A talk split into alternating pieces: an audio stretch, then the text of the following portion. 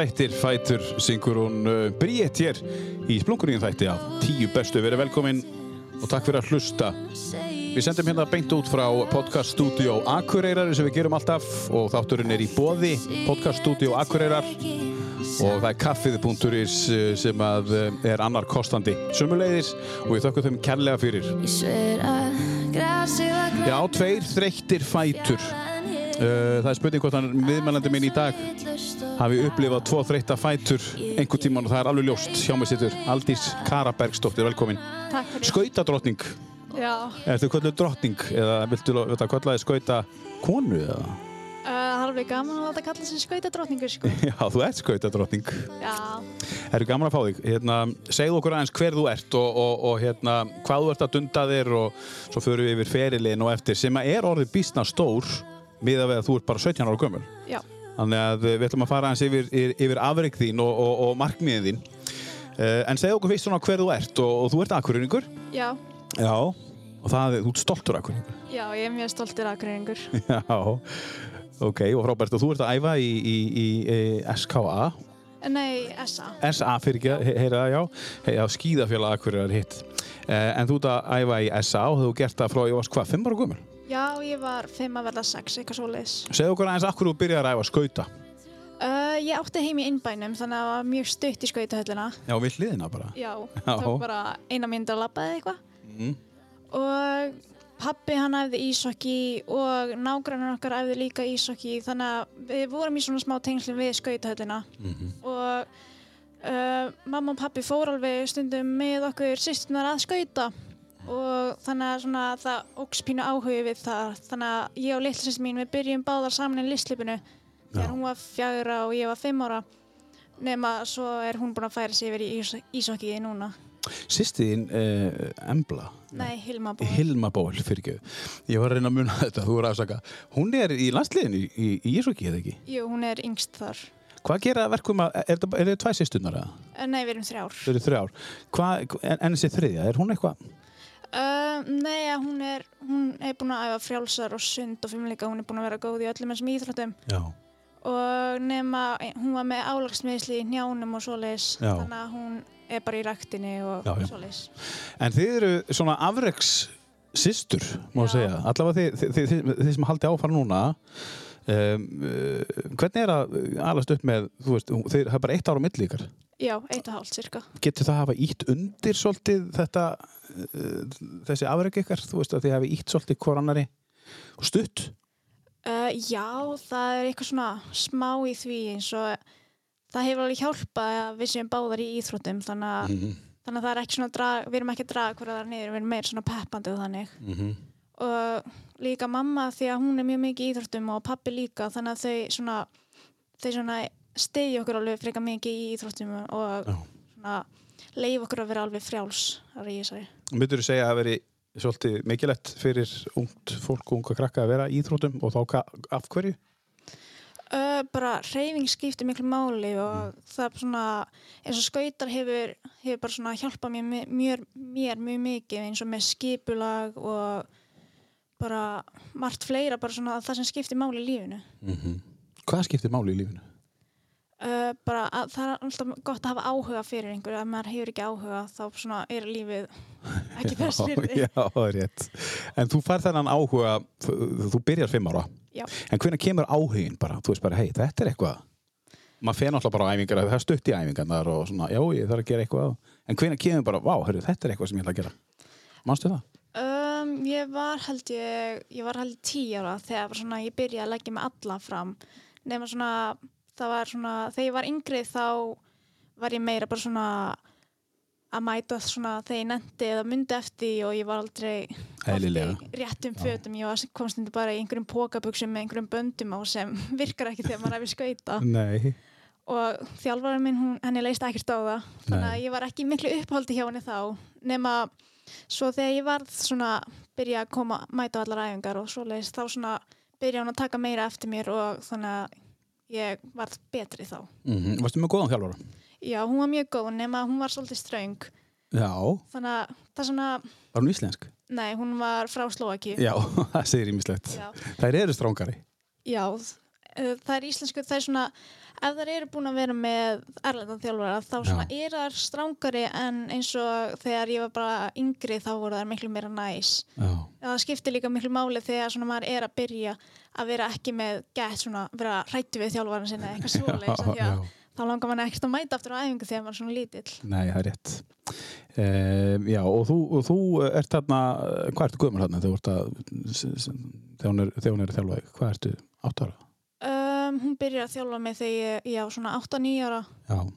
og já, hún var að þjálfa mig í, held ég, fjögur ára eitthvað Mm og svo fór hún bara aftur til Slovakíu. Já, hún er farin, hún er ekki hérna Já. lengur. Hver er þjálfarinn í dag? Uh, hún heitir Darja Mm. og hún er frá Tjekklandi, hún er líka halvur rússi.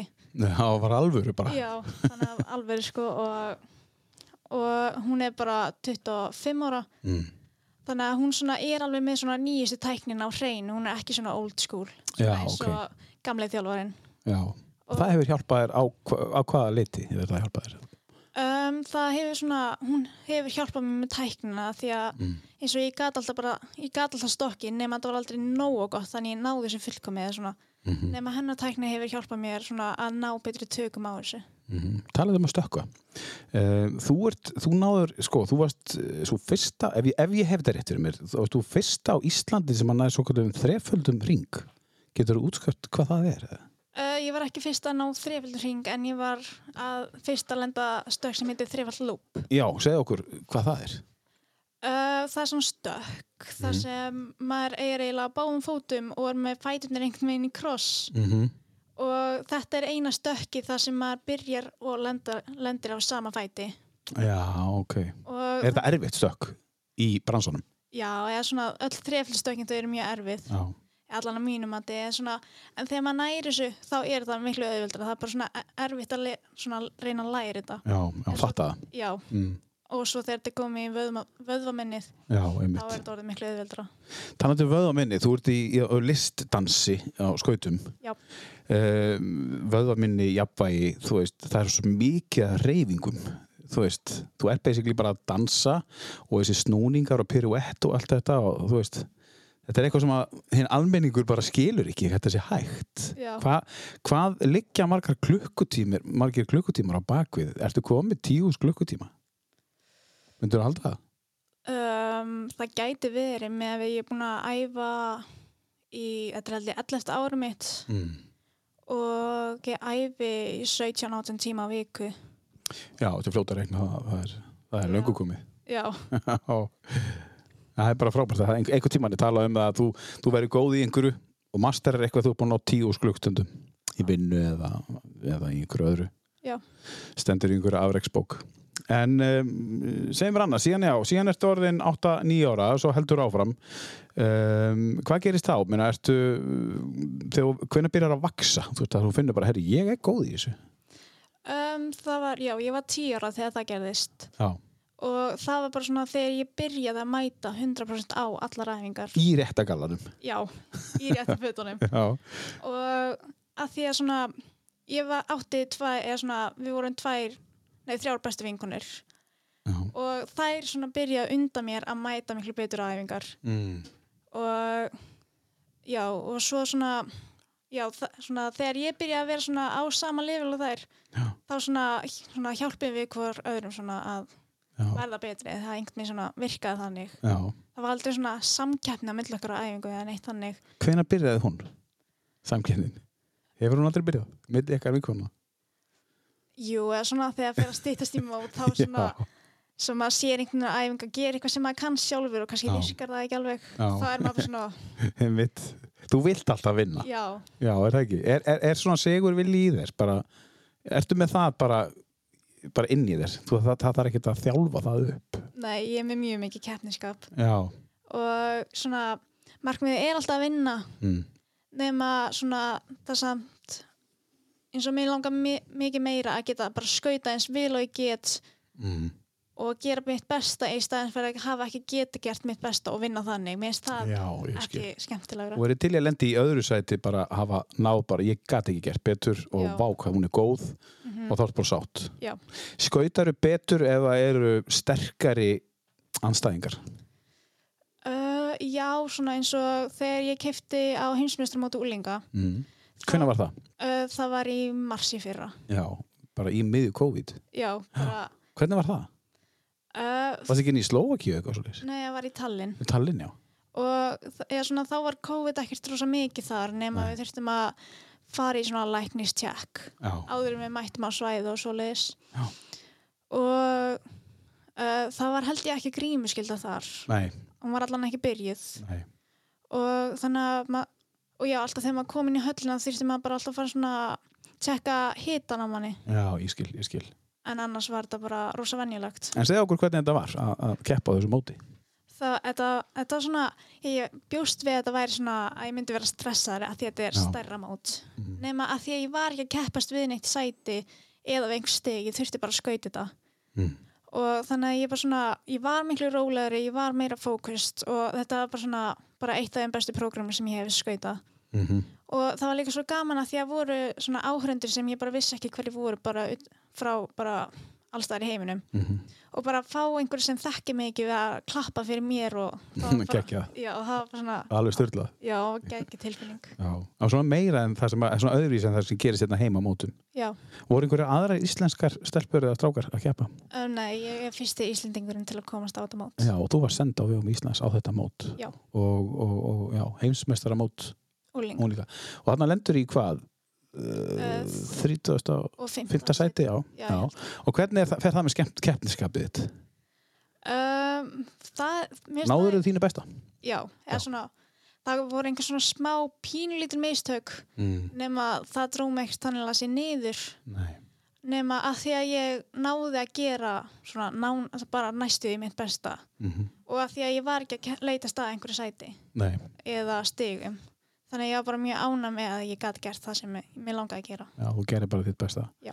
En þegar að þú finnur að þú gerir mistök, af því að þetta eru svo margar litla reyfingar, sjá dómarinnar alltaf?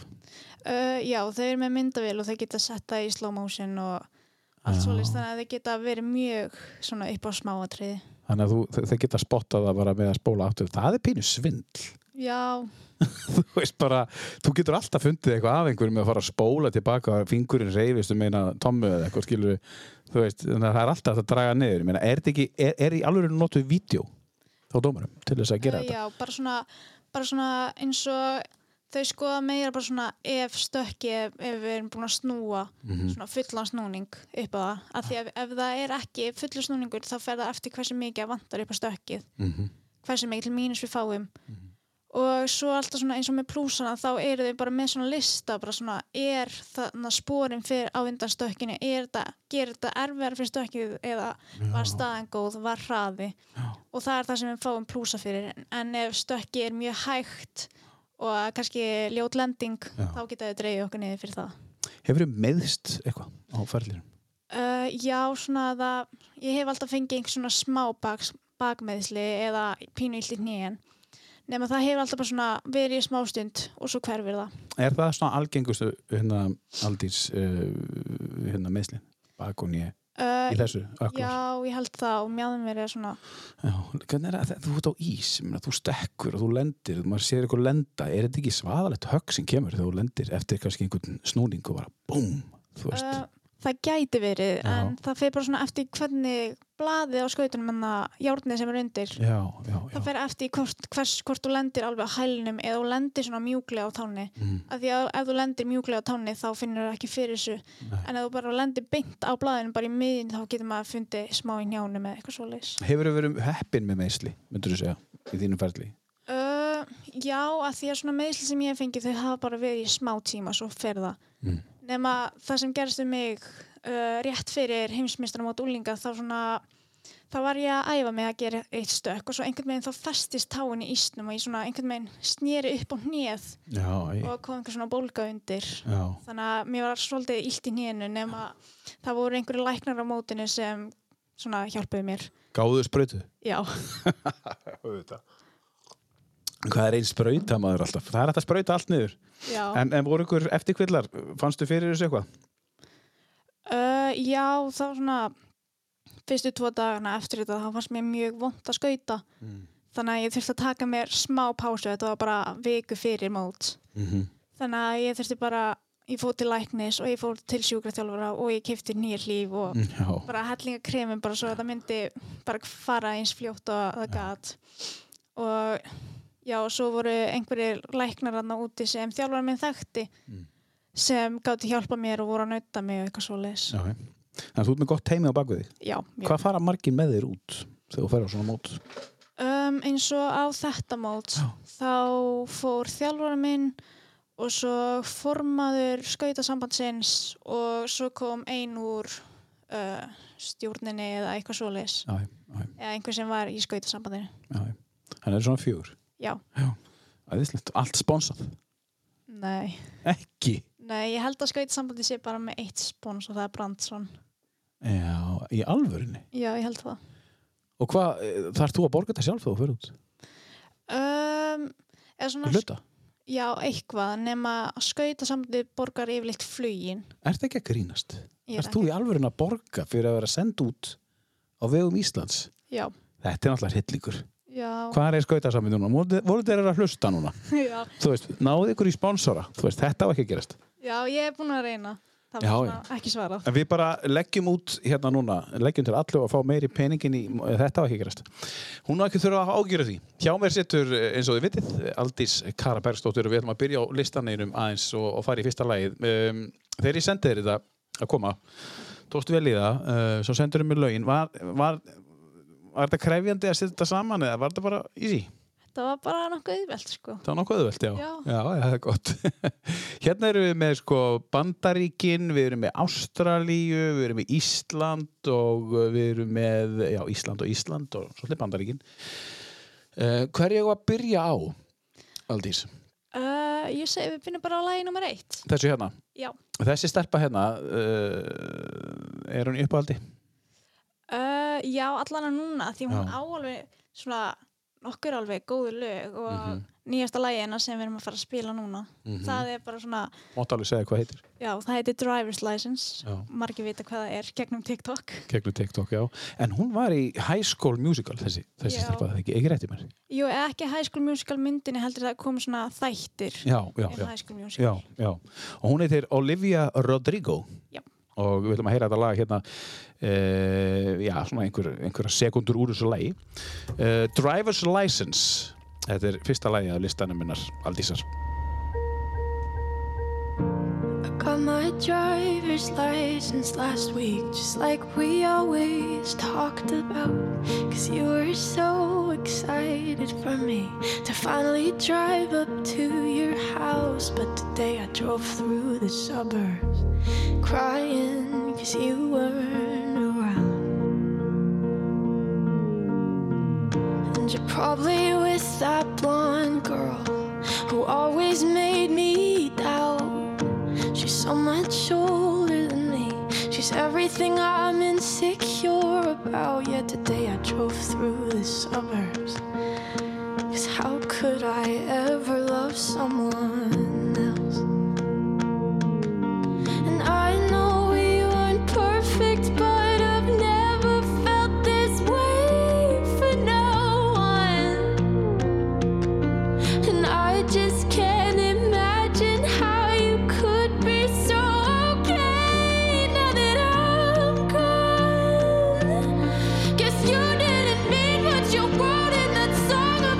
bestu Driver's License. Uh, ég held þetta sé bara um stelpur sem að vil fá aukskýrtinni sitt til þess að fara til kærastins eða eitthvað slags.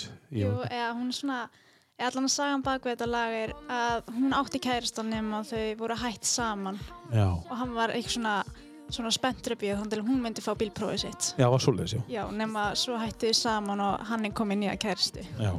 Þessi stelpa í jakkunum þér, 17 ára gamla. Já. Og uh, er með fleiri, fleiri, 50 miljónir hérna, fylgjanda á, á, á, á, Spotify. Já, eftir að þetta lag kom Já. út þá bara svona, Sprakk allt. Já. Þú sagði þetta að vera á TikTok. já. Og sett hún þetta á TikTok og það sprakk bara? Uh, nei, hún held ég byrjaði með að setja, hún spilaði smá part af þessu á Instagram Mm. og þá voru einhver svona sem sögðu henni að svona, svona publisa þessu. Mm Hún semur þetta sjálf, það Já. er svolítið magnað. Já.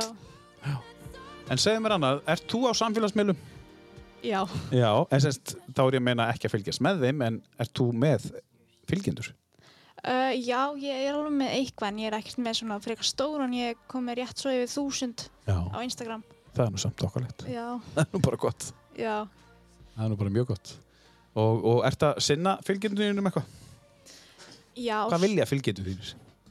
Um, það er svona, þeim finnst mest svona spennandi að sjá svona skauta og það sem ég, svona eins og með árangur minn, það eru svona, já, flestir er mjög, finnst gaman að sjá hvernig maður gengur. Það er frábært. Já. Það voruð ekki að gera neitt annað en að vera þú sjálf. Já, Og maður þarf auðvitað að passa það þegar maður er á svona samfélagsmiðlum. Maður þarf að passa bara, ég ætla að vera ég sjálf, ekki að vera eitthvað fyrir þau, þá, þú veist, þá fyrir allt í steik, held ég. já.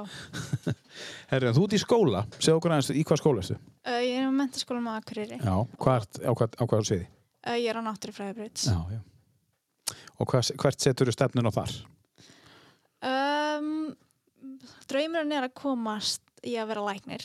Já, það getur verið svolítið krefjandi við að reyna að sinna skóla og skautunum á saman tíma. mhm, Nema ég er að reyna þetta besta. mhm.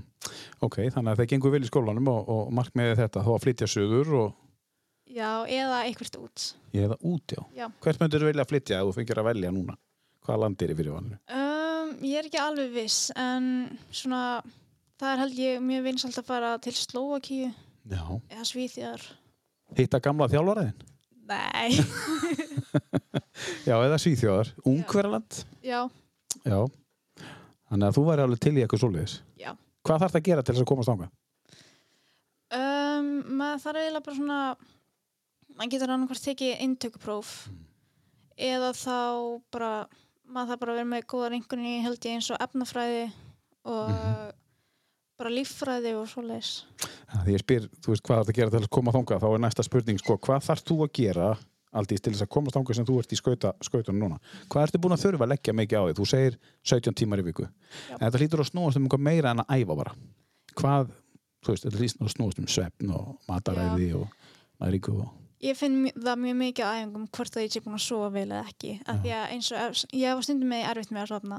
En Mm. svona að ef, mér, ef ég sef lítið yfir nóttina þá finn ég að það bara æfingin er ekki vel. Ok, Og þannig að svefnin skiptir máli.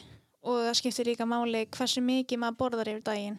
já, Og það þarf ekki alltaf að vera bara svona bara morgumatur og hátíðismatur. Svona stóra máltíðir að betra að borða lítið yfir daginn. já, Eða svona litlar máltíðir, margar yfir daginn. já.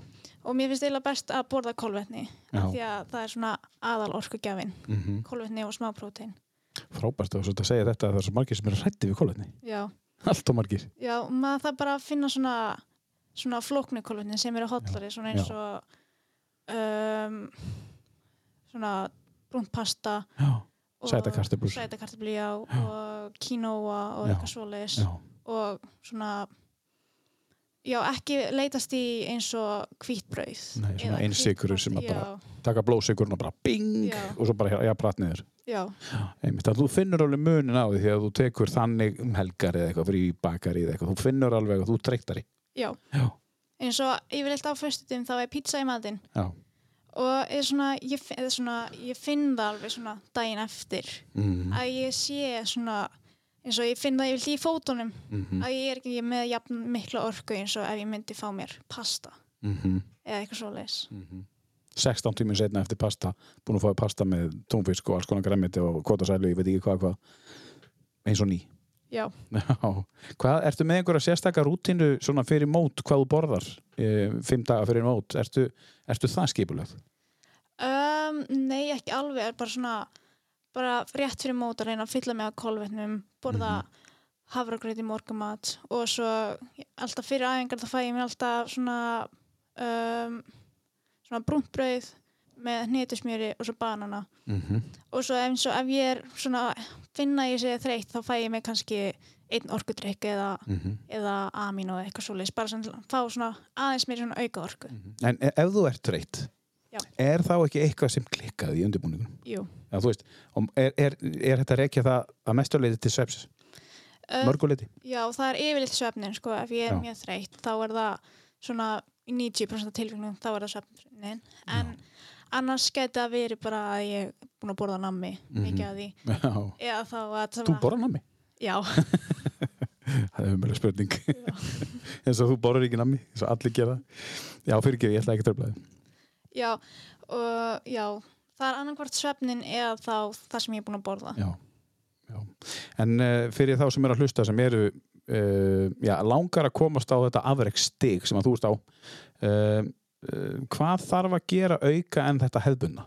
Þú talar um svefnin hversu mik mikla áherslu myndur leggja á það að þú þurfur að sofa það nóg að ein, þetta er mismunandi milli einstaklinga auðvitað uh, hversu mikið leggur áherslu á það uh, sko, það hafa komið tímabili inn á milli hjá mér, þar sem ég bara næ ekki að svona og kannski mikið að gera í skólanum með eitthvað svoleiðis. mm -hmm. Nefna eins og ef ég næ góðan svefn þá er það svona 8-9 tímar og það hjálpar mér mjög mikið. Já, Og svona ef maður vill hafa, vera svona, ef maður tekur svefn og mat til hliðar, svona ef maður vill vera afverks þá mæli ég með að taka aukaðingar. já, Að vera svona one-on-one með þjálfurunum að því að þá gefur hann manni miklu meira aðtikli Mm. og getur þá hjálpa manni meira að því að við erum yfirleitt svona 8-9 saman á æfingum. já, það er svoleiðis já. Já, og við höfum yfirleitt bara svona 50 myndir klukkutíma hver æfing Já. og þá næður hún kannski ekki að, sinna, ekki að sinna öllum alveg 100% þess vegna er mjög mikilvægt að taka aukaæfingar Ef þú tekur aukaæfingar þá ætlum þú að sofa enn betur og borða enn betur, ekki satt? Um, já, ok, þetta er svolítið, svolítið, svolítið aðteklisvert að að, því að það eru örgulega margir að núti sem er að hugsa bara hvað get ég gert, ég er að gera eitthvað vittlust, mér er alltaf með einhverja fóta óerði, mér líður ítla, ég er þreyttur, þú veist, þannig að, þú veist, svefn, uh, næg vastrykja og borða kolvetni sín í réttur hlutvalli Já. og, og, og kvílast. Já, og kvílast vakandi, þú Já. veist, ekki bara sofa Nei, ekki bara kvíla þegar þú sefur heldur. Hva, hvað finnst þér um það? Að bara kvíla þig frá öllu í kortir 20 mínútur já, sko vakandi. Sko yfirleitt þá finnst mér gott bara að leggjast upp í rúm já, eða upp í sófa og bara horfa. Já, og það er svona að því að ég hef yfirleitt ekki svona mikinn tíma fyrir sjálfa mig á milli æfingu og skóla. Þá Mhm. finnst mér mjög gott bara svona að reyna að gleyma öllu og leggjast upp í sófa eitthvað og horfa eitt þátt. Já, þá svona einhvern veginn get ég svona slakað á kannski var þetta erfið dagur í skólanum já, og ég vil ekki taka uh, pyrringin, kannski ef ég á pyrri í skólanum ef ég skildi ekki eitthvað og taka það með á æfingu það er ég mjög gott bara að fara fyrir fram að sjónvarpið og horfa eitthvað. Þú ert það metnaða full ef þú skilur ekki eitthvað í skólanum þá verður þú pyrruð þannig, að, þannig að þá fyrir bara heima bætir og reyna að skilja það. Já, þannig að þetta smitast yfir í það líka. Þannig að þetta getur verið ástæðan fyrir þú komið svo langt. Já. að því þú ert með þessa hu- hugsun. Það er eitthvað sem heitir afrekshugsun. Já. Og ertu búin að vera með hana í mörg ár? Svo, þó svo að þú segir Um, sjálf frá. þegar hún kom svona uh, svona fyrir held í tveim árum eða eitthvað Mm. þá svona já, þannig svona eins og ef ég finna að það er eitthvað ekki rétt Mhm. þá svona finnst mér mikið erfið að gera það og eins og mér finnst sjálf mjög erfitt að gera mistök Já, eins og það fer illa í mig að gera mistök af því að ég er með svo mikla fullkomna árti þegar kemur á skautum það er mjög gott Já. í þessu tilfelli. já, Já. nema þannig að ég á það til að vera pyrristundum að æfingum Já. nema það er ekki gott Nei, en svona, já að samt hjálpa manni smá svona að því að ef ég væri alveg saman mynda þá myndi það ekki hjálpa mér ef þið væri alveg sama þá myndur þið kannski ekki fara að íhuga það að reyna að laga það. nei, En ef þið þú pyrruð þá kannski fyrir að hugsa hvað get ég gert til þess að, ertu ofta að spyrja sjálfa þig bara, hvað get, hvernig get ég orðið betri? um, Getur þú lært á öðrum? já, mér finnst svona það hjálpa stundum að horfa á aðra og svona og kannski sjá hvað þau eru að gera rétt og kannski ef maður sér mistökin hjá þeim Mm -hmm. þá getur maður svona séð það svona að fundi það sjálfur svona, já, ég get lagað þetta hjá sjálfur mér svo að, að þetta var vittlust kannski smá hjá henni þá get ég bætt það hjá mér Þannig að þú ert gaggrínin á sjálfa þig já, og þú þólir gaggríni á sjálfa þig til þess að byggja það upp. já eða það svona fer eftir svona gaggrín þegar kemur að fer eftir hvernig tónin hjá manneskinni er Já, svona jákvæð gaggríni, Já, eða þú já. veist, uppbyggjanleg gaggríni. Þannig að sem er verið að ráðast á sko, verkefni en ekki einstaklingin. já, Þannig að þú getur gert betur, ekki af því að þú veist, af því að þú ert þú heldur að, að, að ég veit þú getur gert betur af því ég þekki þig. Það Já. er alltaf öðru í sig mhm, þú veist. Ok, þannig að hérna, þannig að þetta er svolítið magnað. Er eitthvað meira sem, að, sem að þú getur sagt við þessar hlustundur úti sem eru sem eru fylgjendur og bera mikla viringu fyrir þér og, og, og fyrir það að hafa náð svona langt uh, á svona skömmun tíma uh, er eitthvað, eitthvað sem þú getur lagt til annað en þetta? Já, það er mjög mikilvægt að hafa að andlega heilsan sé í góðu lagi. Að því að ef hausin er ekki lagi þá er að því að hausin skiptir alveg sko, þetta er 50-50 Já, með að hafa líkamlega heilsu og andlega heilsu. Að því að eins og út af COVID þá svona kannski hjá sumum þá var andlega heilsan kannski ekki nógu góð. Mm. og það er það sem gerist hjá mér að sumar hjá mér það var ekki gott að því að bara hausin var ekki nógu góður. Já. þannig að eins og mamma hún sagði mér ég prófa að fara í markþjálun Mm. og það bara hjálpaði mjög mikið. Mm og þannig að eins og ef hausin er ekki í lagi hjá fólki þá m- mæli ég með að leita til aðstofar og það er ekki slæmt að byggja um hjálp. Nei það er alltaf gott að finna hjálp af því að hausin skiptir svo miklu máli Já, Þannig að þú, þú, þú vilt meina það til dæmis í þessu tilfellu, þú vorst marktjálfa þú, hva- ég ætla einmitt að spyrja, hvernig, hvernig lagar þú hausin á þér? Þú veist, hvernig, hvernig lagar þú það fyrir utan það að leita til marktjálfa? Hvernig stiltur þú af? uh, svona ef ég, að því að svona ég get verið með mjög stórt skap og þar kemur líka keppniskapið undir og svona ef ég finn fyrir eins og að hausin sé ekki lagi þá reyni ég að róa mig niður Mhm. og reyna að finna eitthvað svona jákvætt og reyna að hugsa svona meira um hvað ég er að gera. En ekki þannig að þetta verði svona af því að ofhugsun er ekki gott. Eða allan að svona hjá mér, mér finnst mjög óþægild ef ég byrja að ofhugsa. Þannig að eins og ef hausin minn er ekki lagi þá reyni ég að að finna jákvætt eitthvað um sjálf mig og ekki vera að draga mig niður Mhm. og reyna bara svona að hugsa meira svona hvað á ég að gera Mhm. ekki, ég get þetta ekki heldur reyna að sjá hvað ég get bætt en ekki hvað er að mér Fyrir utan læknisfræðina, sér eitthvað annað fyrir þér í framtíðin sem langar að gera? Um, ég er ekki alveg viss. Ég myndi örgulega fara í eins og eitthvað svona sem tengist íþróttum. Mm. Af því að ég er búin að vera í íþróttum mjög lengi þannig að ég væri mjög góð í því líka. Að kenna þá eða Já. einhvers konar, já. En ég er svona ekkert svona mikið búin að pæla í því en svona þegar ég var yngri þá var ég alltaf í Sims og þá Já. fannst mér alltaf gaman eins og að búa til húsin þannig að ég Já. gæt, svona hef alveg smá svona áhuga á arkitekt svona, Já, já, smá. já, já. En þessi, þessi hugsun sem þú ert að segja sko að veist sem að held tók því síðasta sumar uh, hún gæti að hjálpa þér í að ná svona langt hún gæti að hjálpa þér í að vilja vera læknir það er krefendi Já, að taka þig krefjandi verkefni minni já, þannig að þú hefur kannski gert það frá blödu basspinni já, ég myndi segja það. Já Hvernig er sambandið þitt við viniðina eða vinkunur? Þú veist, uh, þú veist uh, er það bara gott eða er, þú veist, er erfitt að vera með þessa hugsun og vera síðan kannski bara með einhvern sem alls ekki með þessa hugsun við liðina sér og reyna að eiga þenn samskipti Um, Ég veit að vinirinn viniðin er bara svona, þú veist, þetta er bara svona Nei, ég er svona einhvern veginn þá svona þetta tvent það tengist ekki saman hjá mér eins og þegar ég er Nei. að tala við vinkunum mínar Nei. en eins og svona persónulega það finnst mér betra að eiga svona nokkra mjög góða vini í staðan Mm. fyrir marga sem eru ekki svona þannig að sé Já, vinir mínir já. þannig að ég á alveg svona alveg nokkrar vinkunum sem eru alveg fyrir eitthvað svona við tengjumst vel og Já, erum mjög góða saman sem gott er að leita til Já. Æðislegt. Þeir eru leitum til listans næst um, Við ætlum að fara í lag nummer tvö Hvað er eitthvað að uh, spotta núna? Er þetta, já. Þetta hérna? Já. Þessi er líka 17 ára Ó, ég vissi það ekki. Nei, ég ætla að fara að skoða það á hann Það eru tveir hérna 17 ára hérna, hérna unglingar eins og þú sem að eru hérna á listanum minn fyrir tvölaugin Þessi gæði, segja okkur frá honum Veistu, getur þú satt okkur? Um, ég held að þetta sé bara einhver, hann er held ég bara nýkominn út sem artisti Mhm. þannig að þetta er bara eitt af hans fyrstu lögum held ég. -hmm. Þetta er uh, Ástralin The Kid Laroi uh, og platan heitir í skemmtilega nafni Fuck Love því ég má segja það ef það heyrist í læginu Já. það er bara svo leiðist Without You heitir þetta lag Without you, I can't believe that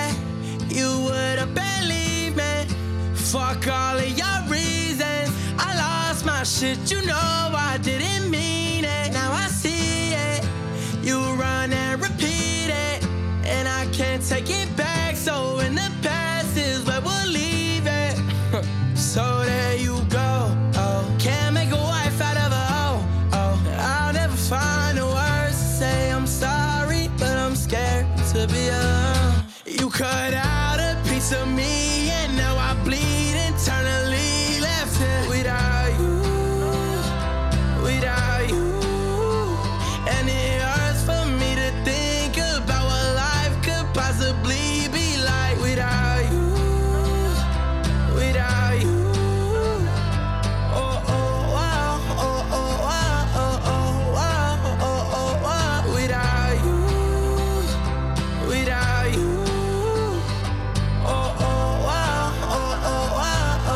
Laroi, lag sem heitir Without You á listanum hennar Aldísar.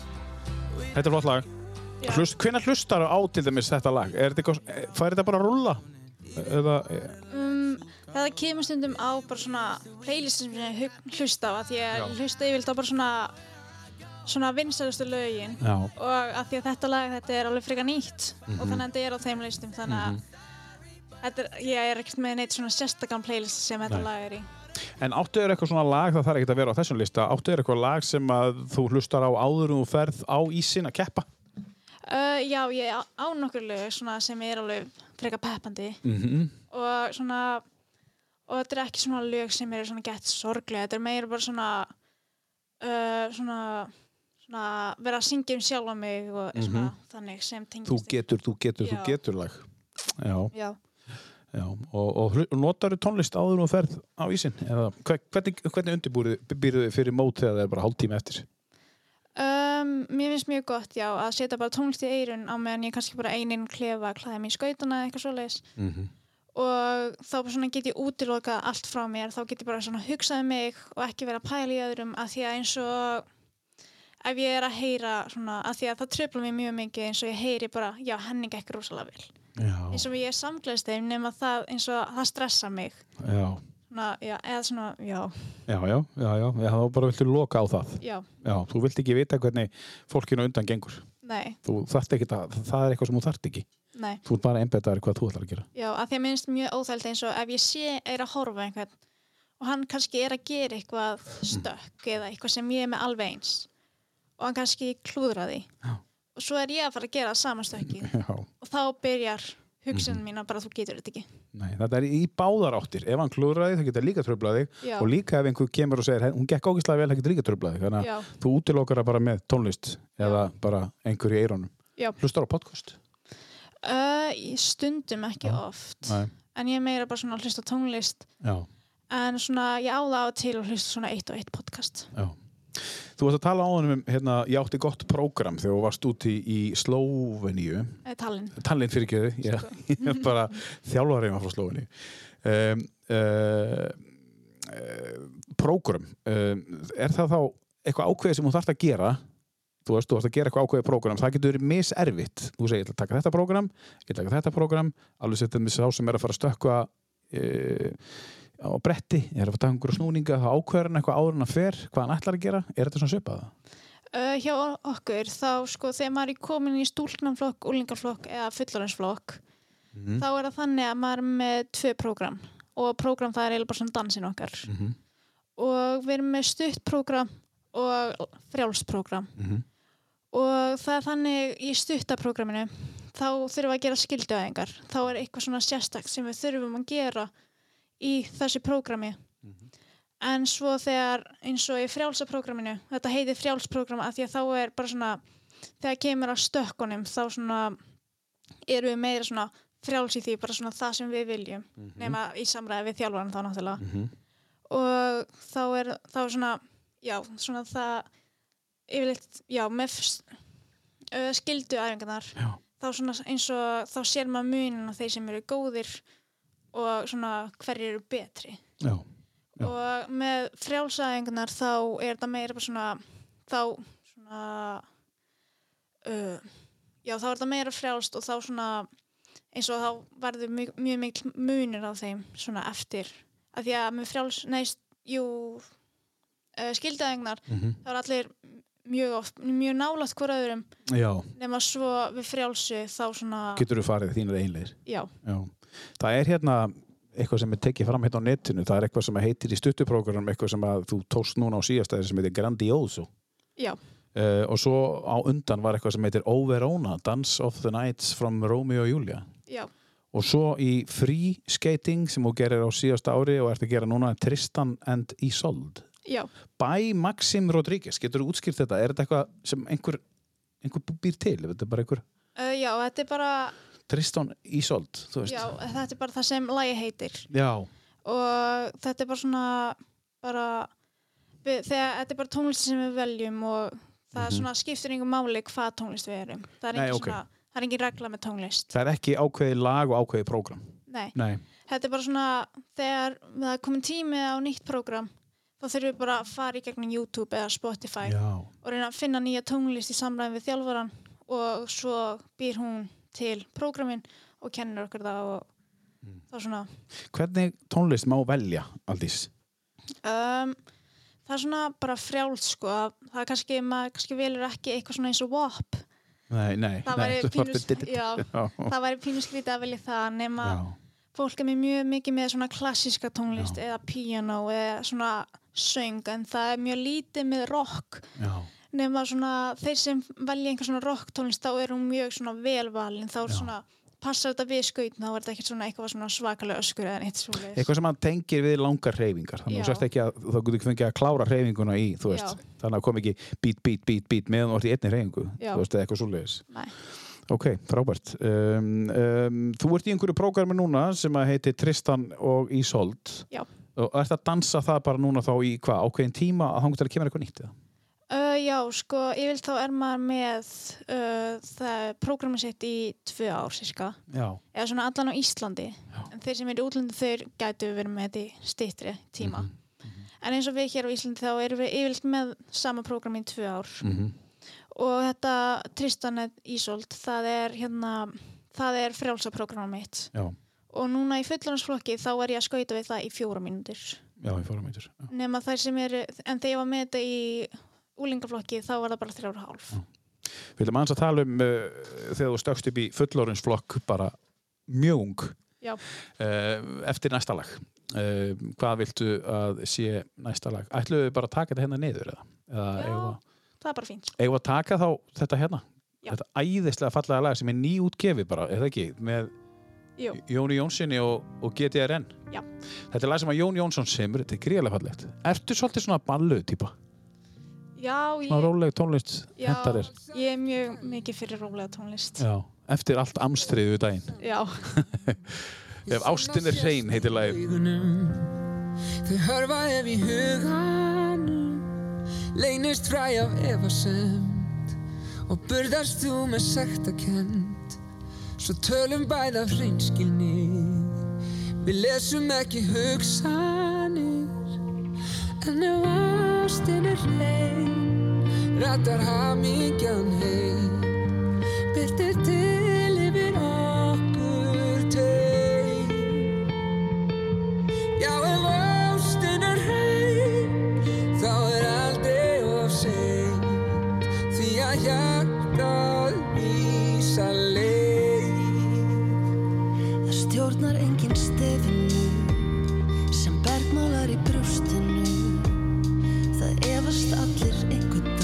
Fallegt lag með Jóni og uh, GTRN ef, ef ástin er hrein Það er einn stóra spurning. Þetta er nýtt lag með Jóni Jónssoni, frábært lag. Já, Flott lag. Það eru nokkur lögðin sem ég hef ekki heyrt á sem að bara gaman að heyra. Já, bara eru bara eru hérna, sérstaklega þetta hérna. Ég, Þetta er bara ný útkomið held ég bara. Já, það kom bara út senstu viku eða Já. nokkur vikum. Það er mjög stutt síðan. Skora og hlusta á þetta lag hlustandi góður. Þegar við vorum að tala um unglingaflokkin og, og, og, og, og hérna fullorinsflokkin í, í, á skautu. Nú ertu konið í fullorinsflokk. Já, Þú fjest núna í desember anna ári í röð verðlunin þá skauta kona eða skautari. uh, skauti kona ársins Skauta kona ásins, anna ári í röð. Já. Til ekki með það, kjærlega. Takk fyrir Og, og hérna, þegar þú fyrst þetta fyrst, Já. þá ertu 16 ára. Já. Og svo fer þetta 17 ára. Já. Hvað þarf að gera þetta ár til þess að viðhalda þessu? Þegar þú fyrst þetta sex- sex- 16 ára, ok, frábært, en, en svo bara árið setna farið þetta aftur. Hvað Uh, gerist þetta ár? COVID ár og... Sko, anna tímabilið 2019-2020 Mm. alveg fram á COVID, það var bara mitt besta ár Já. þá komu ég gerði nánast Íslandsmet á hverju keppni Já. og það var svo mjög mikla bætinga þar Já. og eins og núna þá eru komnir alveg aðri sterkri skautrænin Mm. sem ég var að keppa við bara svona rétt áður en ég fór upp í fullorðansflokk Mhm. og ef ég ætla að reyna svona að halda tillinum framan að fyrir þetta ár líka Mhm. þá svona þá þarf ég að gera einn besta og reyna að komast eins og inn á svona erlend mót Mhm. og bara já gera stigamett eða læra nýtt stökk eða eitthvað svoleiðis. Þú gerði stigamett núna á síðast ári. Já. Segðu okkur frá því. Það fjast hæskor eitthvað. Það hafði aldrei verið skorað að nátt á Íslandi eða? Um, já, það var í fyrra nema núna Var í fyrra? Já, nema það, já, þá náði ég um, já, 47 stigum Mhm. fyrir stuttaprógramið og 80 og 2 stig held ég. Af hvað mörgum? Veistu hvað, þú veist, er það eða sko stigin er, þetta er bara svona að maður fær sérstök stig fyrir hvert stökk eða Já. spinn Já, og svo er bara lagt það allt saman. Já, ég skil, ég skil, ég skil. Já, og ég gerði þá Íslandsmyndi því og svo fyrir frjálsaprógramið og samanlega einhvern og ég fekk það, held ég, já, mér minna ég hef fengið 127 stig. Já, ég held hérna já, í úlingflokki og það er helst næstu í ár.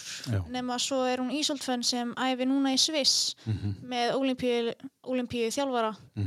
Og hún var núna að bæta það alveg upp í 150 stig Já, ég skil. sem er mjög flott hjá henni. Mjög gott. Já. Þannig að hún er svona, er það vinkona einn?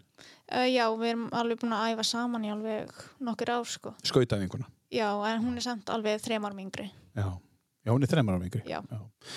Og hún er uh, að æfa með eins og þú segir með Ólipíu þjálfari Ég ætla að koma eins inn á markmiðið þitt. Það er að komast inn á Ólipíuleikanum 2002 Já. Það vita það allir, þú hefur gefið það út. Já. um, Við ætlum að uh, fá lag svo ætlum að heyra eins bara hvað þarf að gerast til þess að þú komist inn á Ólipíuleikanum 2002 í Peking. Beijing. Nei, það var seinast í Peking eða núna í... Ná, er, já, Æ, er ég, svoleiðis. man, ég man ekki hvað það er núna. Já, en það, það er annar mál. Vi, við förum Já. bara ángað, það þarf ekkert við förum bara hvert, sem að, hver, hvert, hvert í heiminu sem það er. Skiptir engum máli. Uh, þessi gæi hérna uh, það veit allir hver hann er. Hann er búinn alltaf að tíma saman við hérna, einn mesta pop góð Íslands sögunar má Já. segja.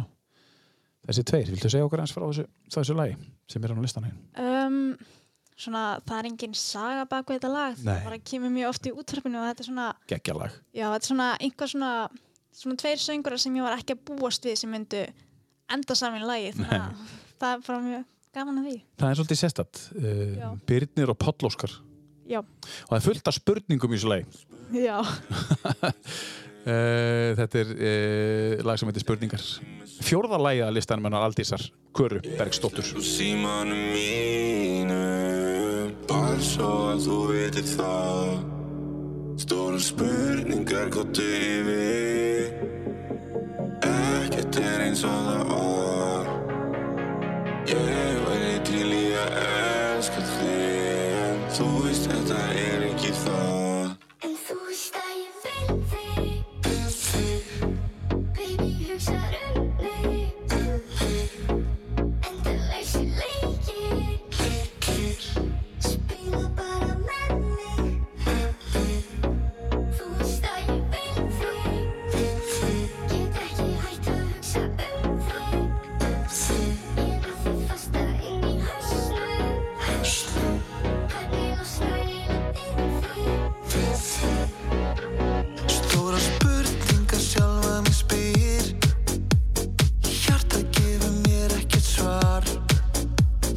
Herra, við erum að uh, velta fyrir okkur hvað við þurfum að gera til að komast á olimpíuleika ekki ég, en, en hún Aldís og hún veit nákvæmlega hvað hún þarf að gera og ætlar að segja okkur frá því um, 2002 olimpíuleikar, vetraolimpíuleikar í februar tvö ár, hvað ætlar að gera? Hvað þarfst að gera? Um, núna þá er ég að vinna því markmið að því af COVID þá hérna þá er búið að fella niður ma- mjög margar keppnir. Mm. Þannig að núna í fullorðsflokki þá er möguleiki að senda á alþjóðlega skautasambandið, myndbanda mér, skauta prógramum mín Já, og þannig að þau geta farið yfir það og gefa mér stig og þau skoða hvort þetta sé nógu gott til að komast inn á þá HM.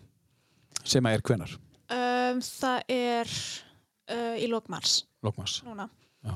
og þannig að það sem ég get gert til að komast á olimpíuleikana er að ég þarf að lenda í 17. sæti á HM sem er alveg frekar erfitt nema það gæt, að því að það eru svo margir skautar sem eru ekki búin að geta skautað núna þannig að það er meiri möguleiki að ég næ að vera í hærra sæti.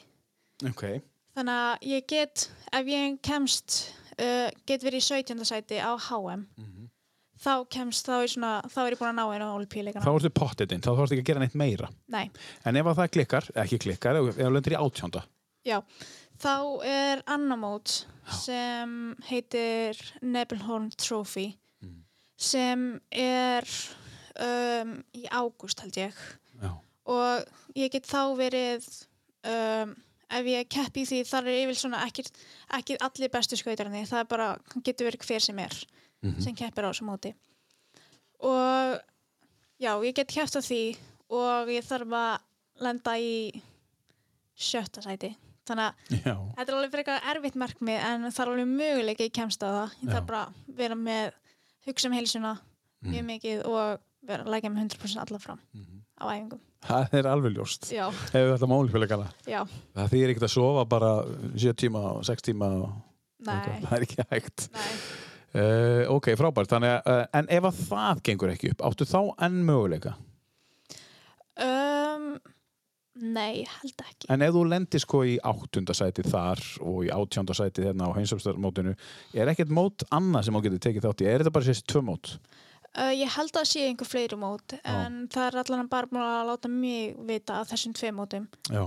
og ég held svona að ef þetta gengur ekki upp í þessum tveim tilraunum Mm þá mun alveg skauta sambandi leita af einhverjum fleiri mótum sem eru svona koma mér að ólípileikunum svona ef, ég, ef mér gengur vel Já. Þá mun skauta sambandi alveg reyna að finna einhver fleiri mót og ég mun þá keppa þá Já. mögulega mikið erlendis á þessu ári Og vonandi verða þið búin að finna kostunum aðeila. Já. Við erum búin að, við erum búin að alveg íta á það.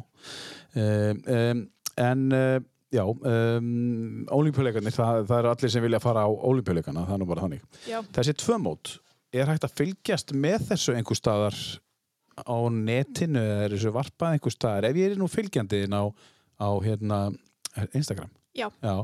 Er- Mundir þú þá setja þar inn, hæ, ég er að fara að keppa um helgina, hér getur þú fylgst með mér, ég þarf að ná átjóndasæti eða þarna, ge- geta fylgjendur fylgst með þér? Um, sko, ég yfirleitt setja ekki sjálf en eins og skautasambandið það setur Mm. allt inn og ef þau kannski takka mig í eitthvað stóri þá mun ég setja svona rípostaði Já, rífástaði. já, Fyrir, fyrir þá getur bara auðvelt að vera bara vinnu þinn og, og þú setur inn bara, herru, ég er að fara á mót, hér getur þú hort á það. Já, En þetta er kannski ekkert sem hún ennir að einbeitara þegar það stutt í mót, það er bara einhver annar sem setur inn hennar link. Þú getur fylgst með það í skauta samband Íslands. já Ok, það er gott. Við ætlum að taka núna annar lag. Uh, þessi hérna, það er náttúrulega rosa margir sem þekkja þessa stelpu. Já. Konu, uh, ég veit ekki hvað. Dúa Lípa. Um, er hún miklu uppáhaldi? Hlustar það mikið á hana fyrir utan þetta lag? Hún á alveg nokkuð góð lög Mm. en hún er ekki svona uppáhaldsengur minn en hún á góð lög og mér finnst alveg gaman að hlusta á lögin hennar Á á þessu að þú varpir í hérna út, áttuður uppáhald söngkonu, við vorum við búin að, er það þessi? já, allan að núna sko. Já, við ætlum að heyra það lag síðast. Já. þetta er uh, lag sem heitir Levitating. Það er pínu 90s í þessu, ég er að fíla þetta þess vegna. Um, og bara frábært lag. Þetta er Dua Lipa, Levitating. I'm levitating,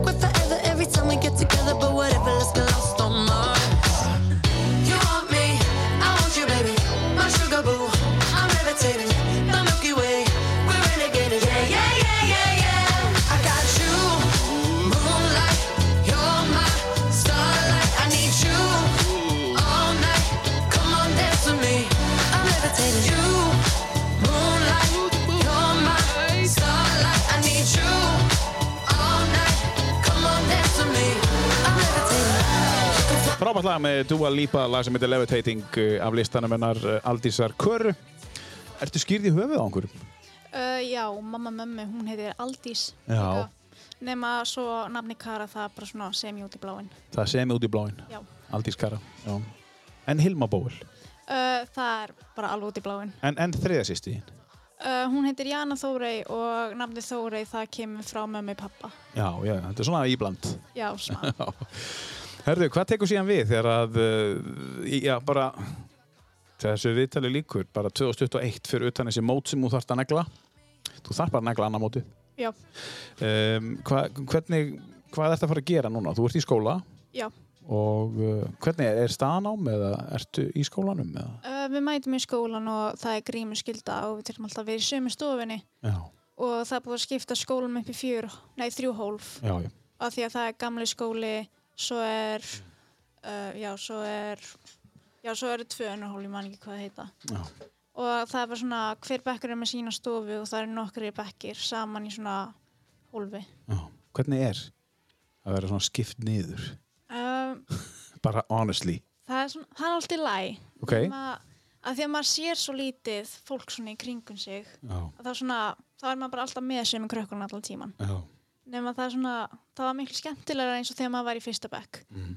að þá, allt, þá gæti maður alltaf farið í kvosina og það er svona Já. það sem allir geta borðað næstu sitt og setið saman svo leis og svona vantar svona aðeins upp á félagslífi í skólanum Já, er það ekki? Jú, Já. nema það er svona að því að það er svona alveg nokkri dagir í valsdaginn Mm og þannig að það er svona ástarvik í skólanum Það er ástarvika. Já, þannig að það er svona gleðidagar hverjum degi, þá er svona hvert svona undirfélag í skólanum. Þau eru alltaf með svona á mótnana kannski svala eða Já. kleinringi eða nammi eða eitthvað svoleiðis. Þannig að það er svona bæti smá upp nema það vantar eins og söngsali og eitthvað svoleiðis. Það ríkir ást í mennskólan. Já. Mikil. Og er gott að vera í mennskólan á Akureyri? Já, það er mjög gaman, Já. Þetta er góðu skóli. mjög góður. Já. Um, þetta lítur af að haft áhrif þú veist, uh, þetta COVID þó sem maður nenni aldrei að tala um það sko, að, að þetta er bara hundlegilega staða en, en ef, maður, ef maður veltur upp þú ert náttúrulega afreiks manneskja, Já. þú hlýtur að hafa velt fyrir á einhverjum tímpúnti á síðast ári, hvað get ég tekið jákvætt út úr þessu ári, hvað get ég lært hvað get ég grætt á þessu, hvernig get ég hagnast á þessu ári er eitthvað sem að þú gast tekið út úr því Uh, já, þetta ár síndi mér bara hversu mikið þarf mikið að hugsa um heilsunum mína mm -hmm. og hvað skiptir máli til að, að til að verði árangur. Já. og að því að maður getur ekki bara borða pítsu eða eitthvað svoleiðs fyrir æfingu. Að því þá ef maður er með pítsu í maður þá er orkan úr pítsunni svo fljótt að fara. Já, þá verður allt miklu erfæra þannig að bara eins og maður þarf að fókusa mjög mikið að sofa vel, borða vel það er bara svona það sem þetta ári búið að bara sína mig hversu mikið ég þarf að sofa og borða og þannig. Þannig að þú ert eh, basically búin að eh, uppgöta þessa veggi sem þú lendir á til þess að læra þeim svolítið mikið á síðast ári. Já, Já. og þá síðasta sömari svo komst inn á þann það var svolítið svona já, að því því að við vorum alveg að æfa fram í svona í svona miðjan mars Mm. og svo kom COVID og þá Mm. voru við alltaf bara svona þá voru bara svona þrekaðingar heima í gegnum Zoom Já. Hvernig var það? Uh, það var hans öðru í sig að því að vantaði svona félagskapin frá stelpunum Já. sem maður er að æfa með En líka allt öðru sér æfingar Já, svona að því að við, höf, við það er yfir svona þrekaðingar Já, svona einu dag, þannig að það var mjög svipað nema að það var miklu erfæra já, að því að þá voru æfingarna lengri Mm. í staðan fyrir að við varum með nokkrar á dag heldur það var bara ein löngæfing Mhm. og þá þurftum við að fara kannski að hlaupa 10 kilometra fyrir Já. æfinguna. Já, ég skil. Og það svona vantaði 10 kílómetra? Já, fyrir æfingu? Já, Hver, Hvers konar Nei, opeldi Nei, minna, þú, þú, þú ert að gera það. Já, að því að þetta er upp á þúlið og svo Já, um, anna, þegar setni bylgjan kom þá þurftum við að ná að hlaupa 12 km undir klukkutíma. Þá þurftum við bara að vá. bara hlaupa, ekki bara skokka. Nei, spretta bara. Já, það var mjög erfitt. Já, og nærið því í dag? Já, ég er búin að gera það einu sinni, það Já, tókst það tókst, það er bara frábært. Það er bara góður árangur. Já, Þa, Þarna væri ég bara, ok, ég er bara búin að gera nóg út lífið. Já, Ég þarf ekki að gera meira, þetta er bara komið gott já þetta var mjög erfitt eftir að þessi 12 km Já. En aftur á móti er ég ekki að fara á olimpíuleikana Það er nú bara þannig. Herðu, um, þú ert að fara á olimpíuleikana við, við verðum að hugsa það þannig er ekki- Er það ekki svona hluta hugsunni? Ég er að fara. Já. Já, ég ætla að fara. Já, já, þú veist. Maður þarf að vera bara ákvað, maður ætlar ekki að segja ég ætla að reyna. Nei, það, það gengur ekkert að reyna. Nei. Nei, það er svo auðvelt að geta sagt ég reyndi þó. En Já. lagður þau 100% fram? Já, ef þú hleypur þessu að reyna að það er svo auðvelt að ég aðeins að fresta hérna sem að ég reyndi þó. Já, en þú ætlar, þá bara leggur allt til hliðar þegar þú ætlar að fara. Já, að því að ef maður segir bara ég ætla, þá er þetta mikið svona þá er meiri möguleiki en ef maður er bara, já, ég reyndi mitt besta, það er betra að ætla já, og gera sitt besta og mistakast þess að þú komst inn á það bara ég komst ekki, ég ætlaði samt. Já. Fyrir ekki að reyna og, og alltaf mistakast. Já, og ef maður segir mér all, ég ætla að reyna, þá er maður svona ekki að leggja sig 100% fram, þá er maður bara svona smá alveg sama. þetta er það sem þú komst inn á áðan hvað þarf þú þarfst að hugsa, það, er með hausinn sko. Já, þú veist, þú ert að vera með þessa hugsun þetta er, þetta er hugsun, þetta Já. er eitthvað sem þú ert að pæli já, hugsunin er mjög mikilvæg. já, mjög mikilvæg. Tökum hérna núna annar lag. Uh, þessa hérna þekkja nú allir um, búin að vera að síðan hvað, 2008 eða eitthvað ég Já. bara, nei, nei, nei, nei, nei 2005 eða eitthvað, hún er búin að vera stór síðan þá, Já, akkur er þetta lag bara, orðinni, bara uh, eitthvað bíti í þessu já, takturinn og bara lægi sjálf, það er Já. svona, það er svona aðeins öðri í sæltir önnu lög, Mhm. en svona smá. Er eitthvað lagarna sem að á listanum sem að þú notar til þess að til- áður að fara á ísinn? Ég, ég sagði að þið þyrfti ekki að vera á listanum áður en er eitthvað lagarna á listanum? Uh, nei, þau eru ekki þarna. Nei, það er ekki þannig. Það er, það er annar listi. Já.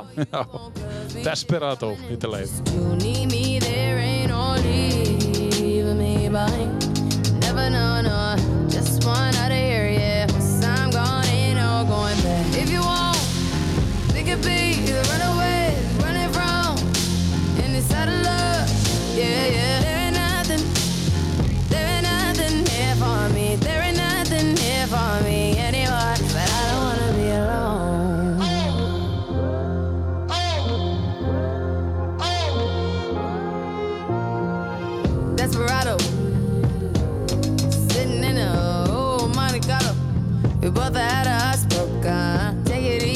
810 bestu uh, Þetta er hún Rihanna Desperado.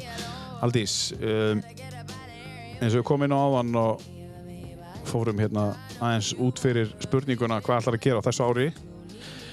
Um, Hvað getur þú gert þér uh, og hafa nýtt þér síðasta ár til þess að vera betri í dag? Eins og ég segi, þú ert að fara á þessu tvö mót en hvað, hvað tekur við núna? Þú veist, kannski að vera leðileg spurningin en þú hlýtur að vera búin að hugsa ykkur mánuðið fram í tíman eða eitthvað uh, Já, maður þarf svona svona, þegar maður er með svona stór markmið, Já. þá er mjög mikilvægt að ekki vera bara með eitt stórt markmið, það þarf að vera með nokkur svona lítil markmið undan, svona skamtíma markmið. Mhm.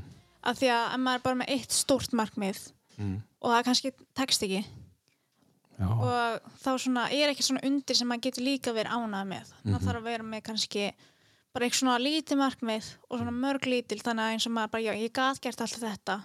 Þá er meiri möguleika að get, get, náðu þessu stærsta. Já. Ertu búin að gera þetta alveg fyrir þú varst bara 10 ára og þú átt að á því bara, ok, ég ætla að halda áfram að gera þetta. Uh, nei, það svona byrjaði alveg fyrir nokkrum árum. Það var fyrir svona fimm árum þegar ég byrjaði meira svona að hugsa um markmið. Mm. Og þá svona markmiðin þau skipta mér miklu máli þegar maður alltaf að ná árangri. Mhm. Af því að maður er ekki með neinn markmið þá er engin tilgangur. Nei.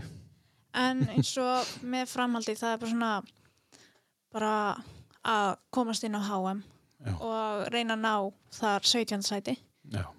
og já, svo í sumar þá vera bara æfingabúðir Mhm. og með skauta þá er mjög lítið frí sem við fáum Já. og já, seinasta sumar þá fekk ég eina hálfa viku í frí samtals, Allavega það. já Hvert fórstu þá? Uh, ég fór til Finnlands í byrjun júni Já. og svona þetta var í lægi út af COVID að því að þetta var mjög lítill bær Já. og það var engin svona COVID svona Já. Það, var allt öðru sér, það var ekkert um að vera síðasta sumar. Það heldur allir að þetta væri farið. Já. Og nema það var svona smá flókið að því að ég þurfti að fá einhvern pappír til að komast þangað og, og Já. þurfti svona þjálfarnir í Finnlandi að segja að ég var í þjálfari Já, já, til já. að já. komast gegnum landamærin. Já, já, Og ég var alveg í Finnlandi í þrjár vikur já, og ég, og ég þekkti þjálfarana því að hún var búin að koma til Íslands já. og var með okkar í einhverja tvær vikur, Mhm. ja, með, nei, mánuð. Og svo fór hún bara aftur Já. og svo er ég bara búin að vera, var ég að bara æfi sumar og svo leys. Þú fest e, eina hálfa viku í, í frí síðan sumar. Já, Þú varst ekki að undirbúða fyrir ólimpíuleikana þá. nei. Hvað heldur þú að fáið langt frí núna í sumar? Úf, það verður ekki mikið sko. heldur þú ná viku? Það getur verið, það getur verið viku frí á milli æfingabúða. En hvað gerir þú til dæmis bara í fríin í síðan sumar? Hvað gerir þú? Slakaði á? Um, nei, sko, ég var búin að ákveða, ég ætla ekki að vinna. Nefna svo einhvern veginn þá bara enda ég með að, að því ég ætla að taka bara svona smá, vera að auka. Já. Nefna svo einhvern veginn enda þetta með að ég var bara að vinna. Hvað varst að vinna? Ég var að vinna á bryggjunni í uppvaski. Já. Þú tókst bara þessa eina hálfa viku í fríinu Já. Í að vinna. Já, ég var svona alveg yfir sumari að vinna líka. En þú kallaði það sumafrí samt? Já, það er svona... Þetta er sumari að því er ekki skóli. Já. En ég var ekki að vinna um hverjum degi þannig að nei. var svona... Nei, nei. En já, en í þessu, frí, svona þegar ég var ekki á æfingum þá eins og við fórum eina helgi til Seyðisfjörðar Já. og að því að amma mín og hún er á uppruna þar Já, ok. Já, já. og þannig að við fórum í smá heimsók þákað og svo annars þá fór ég bara í svona, svona stuttar útalíður eins og að því að við erum með svona leigu, er svona búin að leigja stæði þannig að hjólísið okkar er þar yfir allt sumarið Mhm. þannig að við kíktum stund svona bara einu og eina nótt Hvar á það sér? uh, það var í Sistrakili Já, já, já. Já, frábært. Þannig að þið fóru þarna eina og eina nótt bara svona í róleitum. já, Er fjölskylda eins svolítið mikið að hjálpa þér? Farið mikið stöðning frá Eh. mömmu og pappa?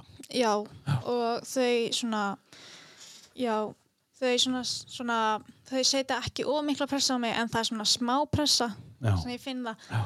nema eins og eins og þau eru alveg að segja aldís klukkan er margt, þú þarfst að fara að sofa Mhm. eða ertu búin að borða nóg Já. þau svona, er ekki bara svona þeim er ekki sama Nei. þau svona hugsa um hvort ég sé búin að borða nóg í daginn og Já, ok. hvort ég sé búin að sofa nóg og Þeir þekkja stelpuna sína.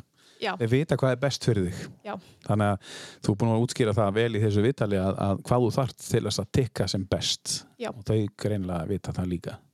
Af því annars verður þau bara pyrruð. já Og þau ekki viljaði hafa því pyrraða. nei, það er ekki gott Herðu, uh, þessi, þessi tveir gæðir hérna, þe- þetta klikka nú seint. Þessi gæi uh, sló í gegn í um, einhverju sem heitir Vine, Vine-vídeós, þegar hann var að syngja cover, þessi gaur. já, Hann bara fór að syngja cover á einhverju lögum, svo var hann orðið það sem hann er í dag og þennan það nú vart að kynna. Já. Þetta er hörkur lag með þeim minna. já Segðu okkur frá þessu lagi hérna um, svona ég veit ekki bak svona sögunum þetta lag en Nei, nei, þetta er svona en það er tiltölulega nýtt. já, það kom held ég bara fyrir janúar eða desember eða eitthvað 29. janúar held ég. já, þetta er alveg frekar nýtt og svona, þetta er svona, svona þeir tveir, þeir passa mjög mikið saman svona Já. mínum af því að þeir eru svona svipaðir söngurar Já. og þannig að þetta er bara svona Hlýtur ára uh, góðu stimpill og góður árangur hjá Shawn Mendes sem að var nú óþektur ekki fyrir svo löngu síðan að syngja með Justin Bieber. já, bara, Sko það er sko Shawn Mendes og Justin Bieber fyrir aftan sko. já, Þetta er frábært lag, hlustið á þetta, Monster.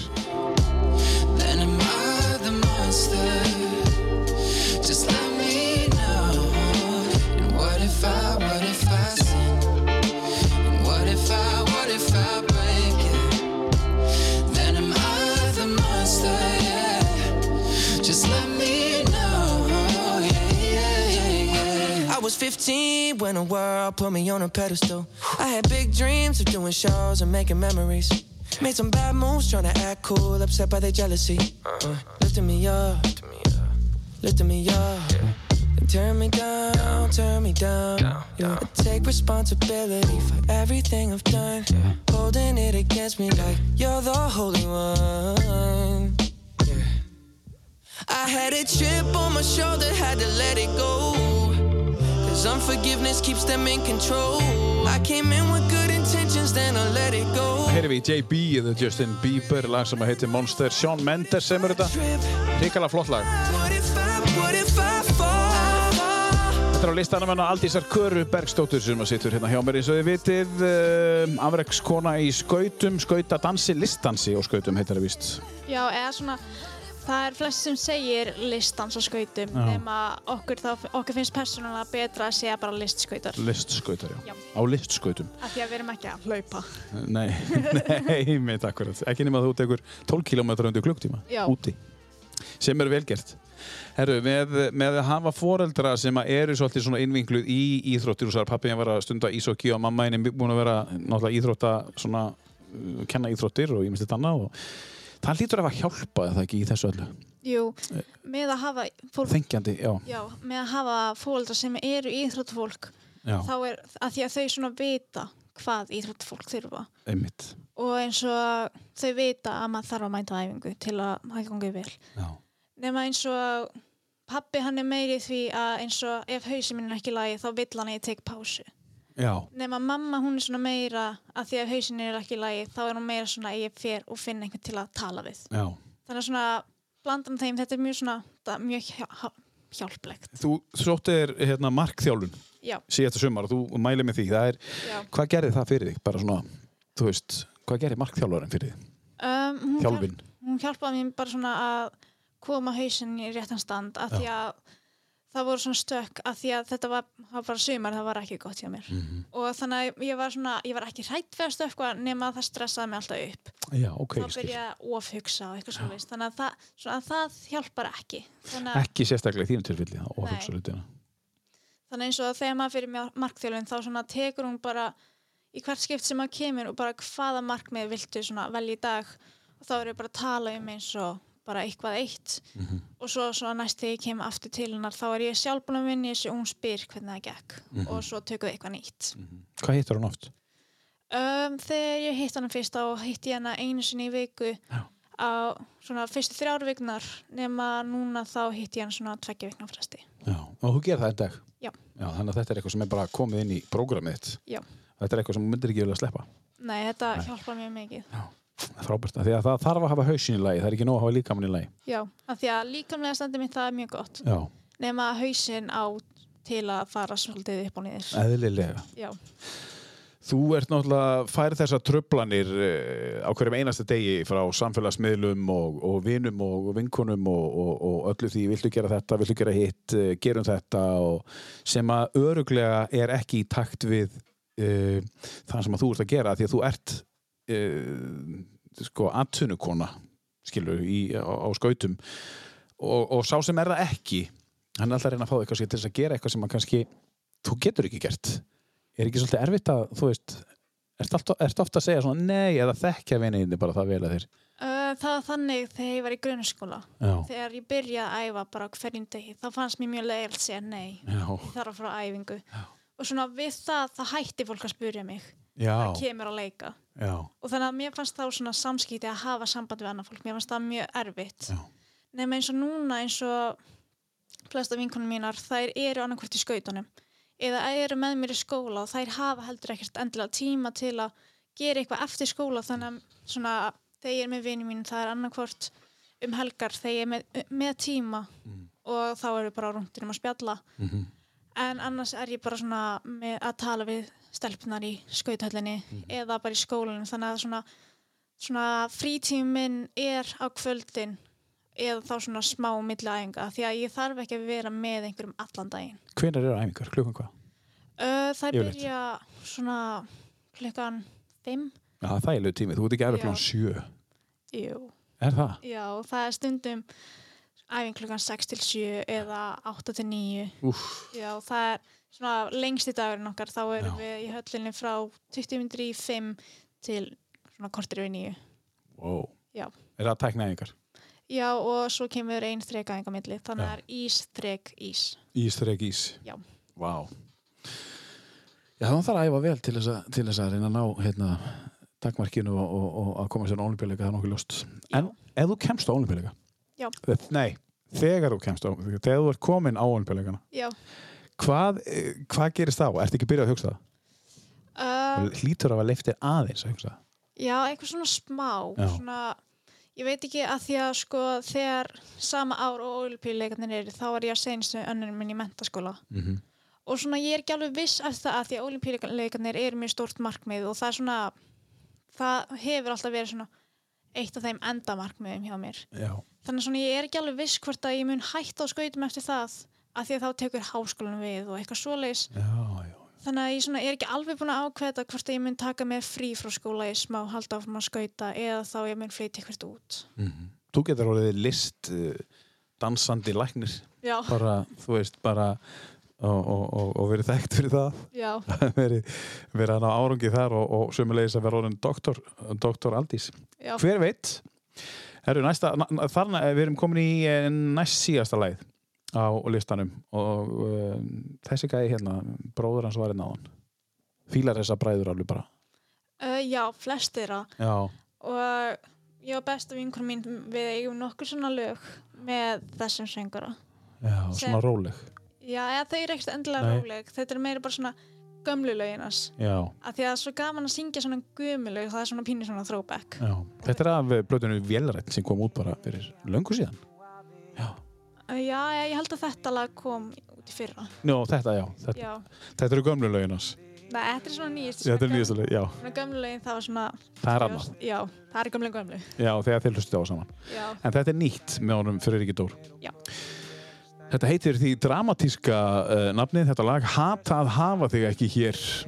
Og uh, já, þetta er flott hjá honum. Hæðislegu söngari. já. Og þú ert hvergi sjáanleg. Nú minn einu vinur ef að vin skildi kalla.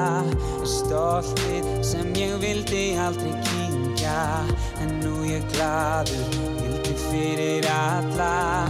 Syngja söngin sem ég vildi aldrei syngja Því að ég hata að hafa þig Að hafa þig ekki hér Ég hata að hafa þig Að hafa þig ekki hér. Að hafa þig ekki hér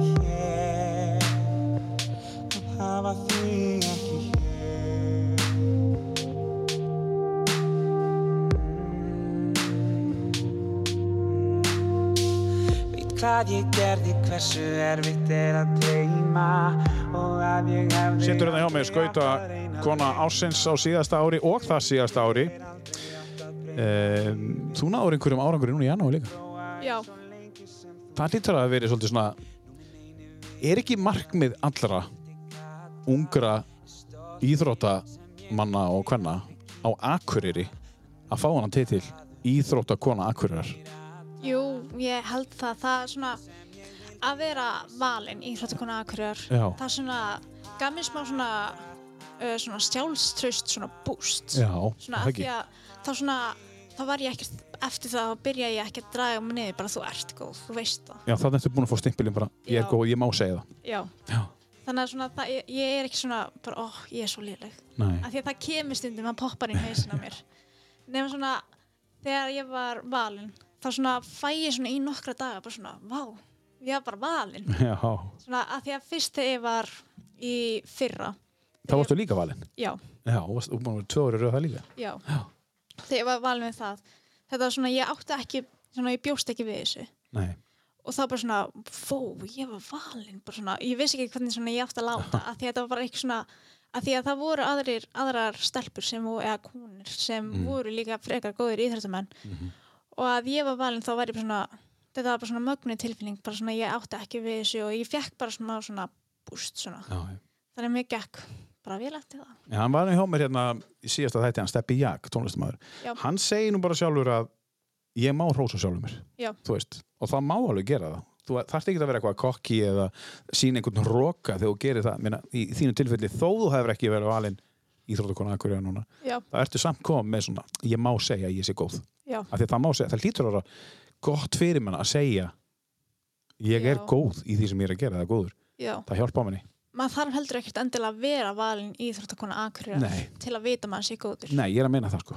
Þú, þarft, þú mátt gera það áður en þú ert valinn. Já, það er gott að maður svona að maður viti að maður sé góður að því að maður er óviss þá er það svona þá svona er kannski sjálfströstið ekki Mm. nógu gott en þegar maður kannski þegar maður svona bara fattar það bara ok, ég er góð Mhm. þá er maður svona minna hrættur að taka við nýjum áskorunum af því að þá er maður kannski ekki bara svona get shaky, eða bara svona ég geti þetta ekki já, já, þetta eikur einmitt undir Já, ítur undir það að þú Já. já og þú eru að taka kannski fjórfald fjórfaldan ringa, ég veit ekki hvað ég, er Já. veit ekki eins og hvað, það er hægt jú, ekki um það er hægt. það er hægt, já, Já. ok um, já, það, það, það er mjög mikið búst að fá þetta og það má líka segja að maður sé góður að því að, að, því að hérna, þegar maður er þú mátt líka segja að ég sé góður þú veist, þó þú sért ekkit góður. Já, þú mátt alveg hafa það álita á þér ég er bara frábæri og ég er bara góður. Þannig, að- en, en, en ég skil hvað áttu við. Þú ert svona, þetta er svona ákveðin svona stepping stone, þetta er bara svona ok, nú er búið að sína það er að- annað fólk sem að er að, að, að fylgjast með mér. Og þegar maður er að standa í einhverju svona að þetta að fá þessa viðkenningu frá Já. öðrum, bara ok, frábært líka þó eins og maður kannski er að keppa og maður kannski er ekki í fyrsta sæti Mhm. þá samt getur maður alveg verið góður maður kannski á bara, kannski er, er maður bara stressaður, hausin ekki í góðu standi og þó maður sé kannski er í seinsæti þá þýðir ekkert, ekkert endilega að þú sért Nei. léleg, það þýðir bara að þú varst kannski ekki tilbúin í daginn eða Mhm. eitthvað svona þú varst bara stressaður en svona, ef maður veit að maður er góður og bara daginn gekk ekki vel Mhm. þá er maður ekki mikið að brjóta sér niður Nei, það er rétt Uh, á síðast ári keftur þetta var HM unglinga, eða ekki? Já. Uh, nú ertu komin upp í fullóninsflokk. Já. Þú ætla að fara upp um helmingi fleiri sæti, uh, eða ef ég reknaði þetta rétt, upp í 17. sæti. Já. Er, það nokkuð, nokkuð mál? Eru margir úr unglingaflokki að koma upp í fullóninsflokk núna á síðast ári sem að er að fara að keppa líka á mótið þér? Um, nei, ég held ekki. Nei. ekki. Það var ekkert rosalega margir, var kannski einhverjir. En mikill munar á milli? Um, nei, þetta er mjög svipað. Það er bara kannski þeir sem eru í fullanarsflokki, þeir eru meira bara með svona, það er kannski ekkert endilega með stökkin, Nei. en þau eru meira svona bara skauta svona betur, kannski bara skautinu betur, meira svona fullanarslegri, ekki Mhm. Svona, já, Um, me meira mótað? já. Já. og kannski meiri svona uh, svona consistency svona Já. maður nær svona oftar að gera það og gera það Já, ég skil. Herru, setjum síðasta lagið á. Þetta er uh, þín uppáhals söngkona í dag, uh, Aldís. Olivia Rodrigo fær tvö lögalistaninn. Já. Það er ástæðan fyrir því. Já. Þú elskar píano. já, svona róli tónlist svona, fer, mér finnst það mikið svona mér finnst mjög skemmtilega svona hlusta á það heldur en eitthvað sem sem er bara með gætt mikið bassa og eitthvað svoleiðis Er ekki skrifað í skíin, Aldís, að fyrir 14 árum þegar þú ferð á olimpíuleikana næsta ári, Já. þá var Íslenskt handbóltalandslið statt á sama stað í Peking og náðu silfri. Já. Er ekki tilvæðilega að þú tækir silfur uh, það er alveg frekar stórt markmið er, er, ekki, er það ekki samt ekki tilvalið? jú, jú, ég meina, akkur ekki? Þú ert eini íslendingur sem fer, er það ekki? jú, Já, á ég segi það. Reynda að ná silfrinu. Já. eða reynda að ná gullinu. Þannig að hérna, Sverri sem var hérna sem náði silfrinu Já. þannig að þú getur náð betra áningum ok. Það búið að vera frábært að hafa þig. Takk fyrir að hafa mig. Takk kærlega fyrir að koma og við ætlum að enda þetta á uppáðslæginunar Aldísar Köru Bergstóttur sem er afreikskona og bara frábær kona í alla staði Þetta lag heitir Wandering. Takk fyrir að hlusta, takk kærlega fyrir að hlusta á tíu bestu